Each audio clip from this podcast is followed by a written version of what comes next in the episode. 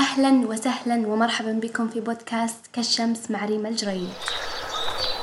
في حلقة اليوم بإذن الله بنتطرق لأكثر من موضوع.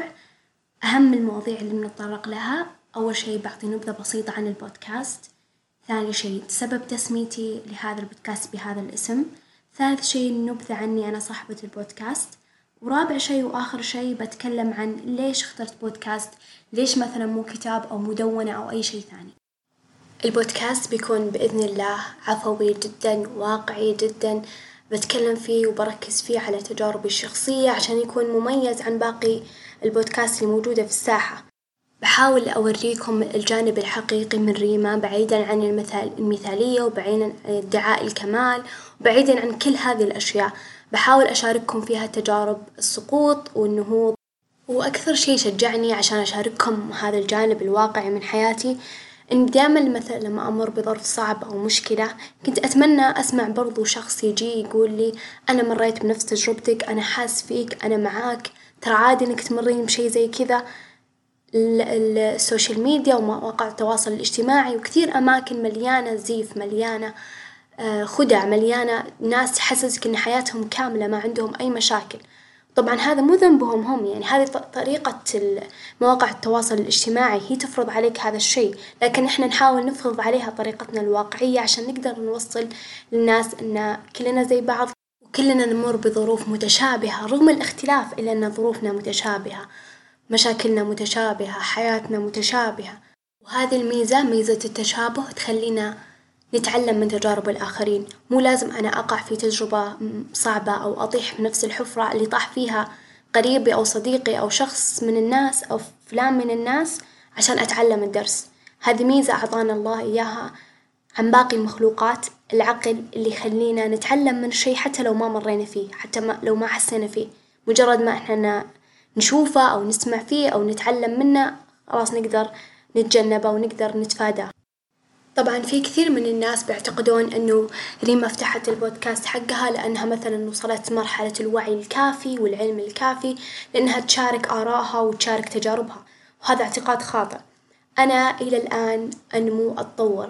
ما في أبدا نهاية وما في أبدا يعني سقف للوعي وللعلم وللتطور، إحنا طول الحياة العلم والتطور والوعي رحلة، رحلة ما توقف لين تموت، فبس البودكاست بإذن الله بيساعدني على إني نمسك يد بعض وننمو مع بعض نتطور مع بعض نتعلم مع بعض. يعني أنا مو جاية بس أقول لكم أشياء عشان إنتوا تستفيدون وتتعلمون، أنا قبلكم بكون مستفيدة من هذا الشي اللي أنا قاعدة أقدمه، لأني ببحث بجهز بدرس ب... ب... أتمعن في تجاربي الشخصية عشان أطل أطلع منها بدروس صدق تفيدني. مو شرط إنها إنها بس بتفيدني من ناحية إنها تخليني أتجنب الوقوع في نفس الظروف. يعني أو المشاكل، ممكن حتى تساعدني على التأقلم، يعني في بعض الظروف إنت ما تقدر تغيرها، بس اللي عليك إنك تتأقلم معاها تحاول تحبها تحاول تدور الشي الحلو فيها عشان تقدر تتعايش معاها، فدايما أعيد وأكرر أنا شخص غير كامل. أنا إنسان عندي أخطاء عندي مشاكل إلى يومكم هذا. وأنا قاعدة أسجل لكم هذي الحلقة. أنا عندي مشاكل للحين في حياتي عندي ظروف عندي أشياء. لكن أحاول قد ما أقدر إني أتعلم أو أو أحاول قد ما أقدر إني أعيش. أحاول قد ما أقدر إني أعيش حياتي وأنا مركزة وحاطة في بالي القيم والمبادئ اللي أنا أبغى أمشي عليها، أحاول قد ما أقدر إني أعيش حياتي بأقل قدر من المشكلات وأكبر قدر من التفاهم والرضا من مع الناس اللي حولي وفي العلاقات اللي أنا موجودة فيها، بودكاست ما راح يكون له أي رتم معين. يعني ممكن حلقة من الحلقات تكون عبارة عن قصة أو تجربة وتكون القصة طويلة ثم بعدها نقدر نستخرج الفوائد أو الأشياء اللي تعلمناها من هذه التجربة، ممكن لا الحلقة تكون علمية أكثر وتكون جانب القصة أو التجربة جدا بسيط، ثاني شي سبب تسمية البودكاست بهذا الاسم، طيب. دايما كان رمز الشمس عندي وفي بالي يرمز لشي جدا رائع. ترمز للقوة للاستمرار في الشروق في كل يوم للعطاء للدفء للخير للإشراق للطاقة للنور. وفي كثير عبارات عندي تتضمن الشمس عبارات جدا إيجابية وحلوة. مثال عليه مثال عليها عبارة ماذا قد يضير الشمس إنهم أغلقوا الشباك. ومعناها إنه الشمس قاعدة تشرق كل يوم. ولا تأثرت أبدا ولا حزنت ولا تضررت من إن في ناس مو قاعدين يفتحون الشباك ويخلون نورها يدخل. وإن ما إنه في ناس مثلا ما يقومون أصلا الصباح ويشوفون نورها وشمسها وإطلاع و... وقوتها وجمالها، وهذا تعبير مجازي إنك إنت كشخص لا تهتم بالناس اللي ما تقدر نجاحك أو تقدر نورك أو إشراقك، واستمر في هذا الشي اللي إنت قاعد تسويه، استمر بالنجاح، استمر بالإشراق، استمر بالنور، ولا تهتم بالناس اللي مو مهتمة، فبسبب كل هذه المعاني الجميلة اللي ترمز لها الشمس بعيني دايما كنت أتمنى أكون شمس في حياتي وفي حياة اللي حولي، وأتمنى من كل قلبي إنه هذا البودكاست يساعدكم إنه تكونون إنتوا برضو كالشمس في حياتكم وفي حياة من حولكم، وفي آية جدا أحبها تتكلم أو تتضمن الشمس اللي هي آية لا الشمس ينبغي لها أن تدرك القمر والليل سابق النهار وكل في فلك يسبحون، يعني شوفوا كيف سبحان الله الشمس ربي خلقها وسخرها إنها تعرف متى تشرق متى تطلع. ما تطلع في الوقت اللي يكون القمر فيه موجود ولا القمر يطلع في الوقت اللي هي موجودة. عارفة مكانها عارفة وقتها عارفة قيمتها، فأتمنى إن إحنا نوصل لهذه الدرجة من الوعي من معرفة قيمتنا ومكانتنا ووقتنا، طيب الحين بعطيكم نبذة بسيطة جدا وسريعة عني، أول شي معكم ريما الجريد عمري واحد وعشرين سنة.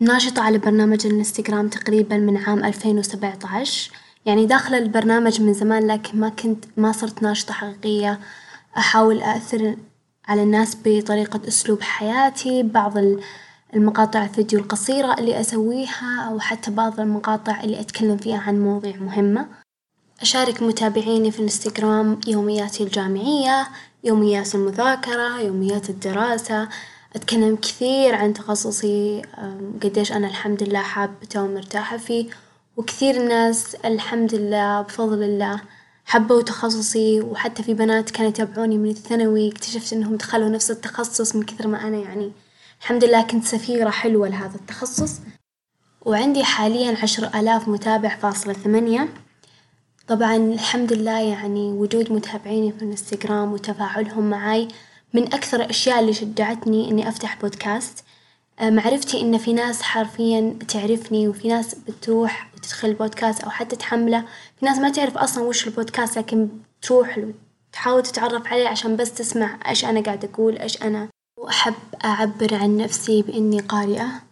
تقريبا من عام ألفين وأحد عشر لكن ما أصبحت قارئة يعني نهمة إذا كنت أقدر أوصف نفسي بقارئة نهمة إلا في الفترة الجامعية اللي هي تقريبا عام ألفين وسبعة عشر، ولأن القراءة دخلت في حياتي في عمر صغير ساهمت بشكل كبير في تشكيل شخصيتي، في تشكيل أفكاري، في مساعدتي على حب العلم، حب التطوير، حب التغيير، حب التطور للأفضل دائما. الحين للجزء الثاني من الحلقة اللي هو بتكلم فيه عن ليش اخترت بودكاست؟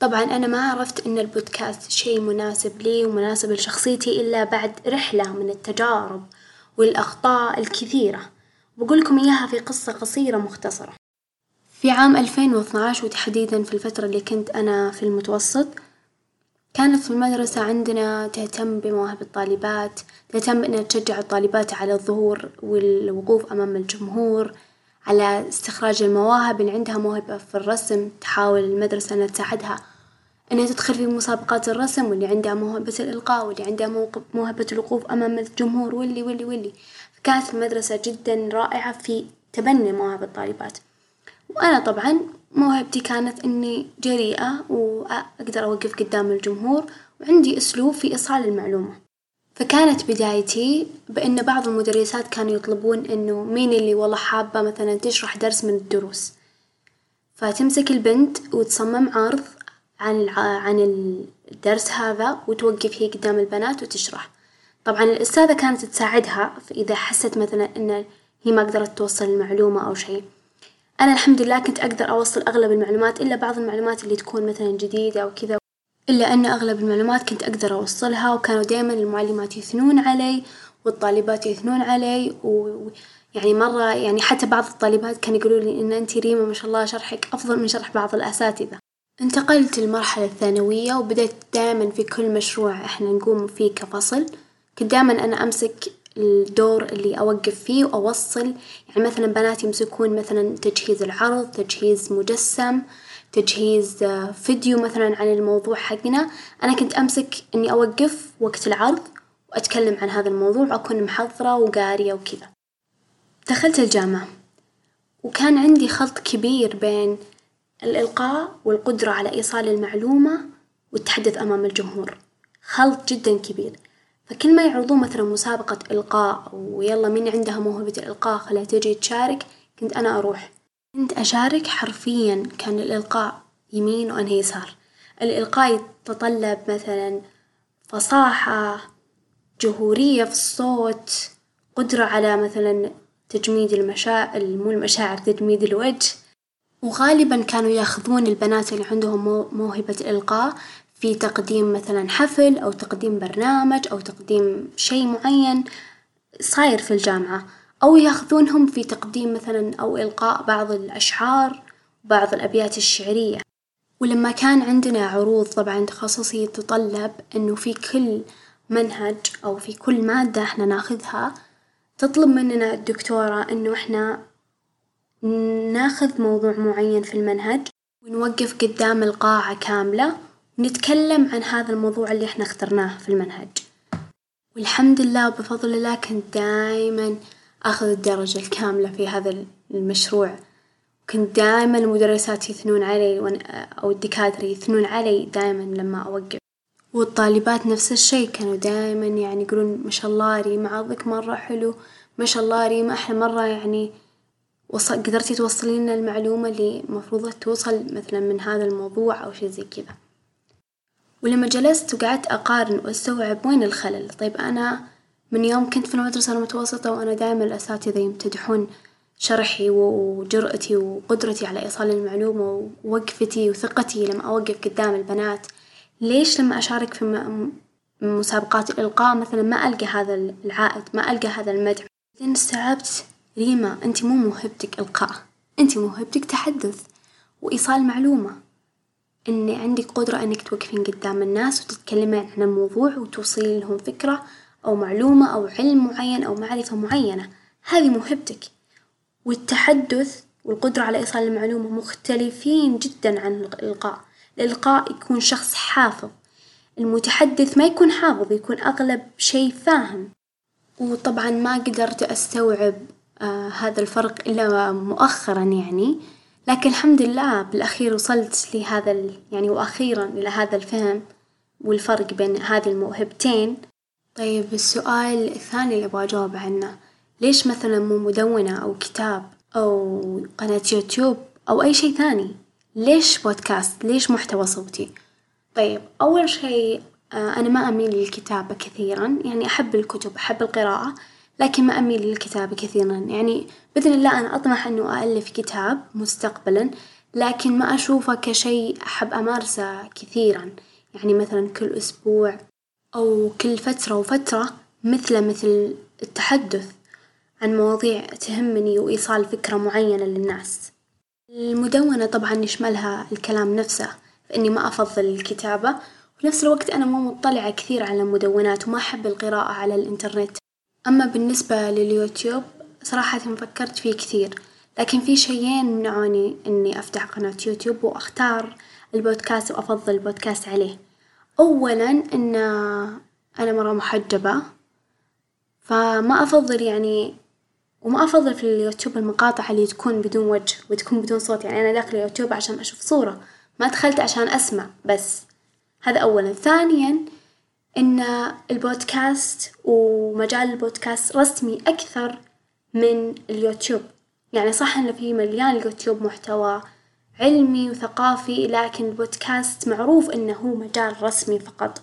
ما في أي مزح ولعب ومواضيع يعني تقضية وقت فراغ فقط مثل اليوتيوب، فوصلت في آخر شي إنه البودكاست هو أكثر شي يناسبني وأكثر شي أحب أكون وأنا أسويه مستمتعة ومبسوطة وسعيدة في إيصال أفكاري وفي إيصال المعرفة اللي عندي. وأخيرا وليس آخرا بنهاية هذا البودكاست أشكر لكم حسن استماعكم وحابة أتوجه بجزيل الشكر لوالديني العزيزين ومتابعين في الإنستغرام وصديقاتي اللي دعموني منهم آمنة الغامدي وهبة اللي ساعدتني وصممت لي شعار البودكاست هذا، وشكرا لله على إعطائي هذي الفرصة لإيصال صوتي للعالم، وشكرا لكم، نلقاكم بإذن الله في الحلقات القادمة.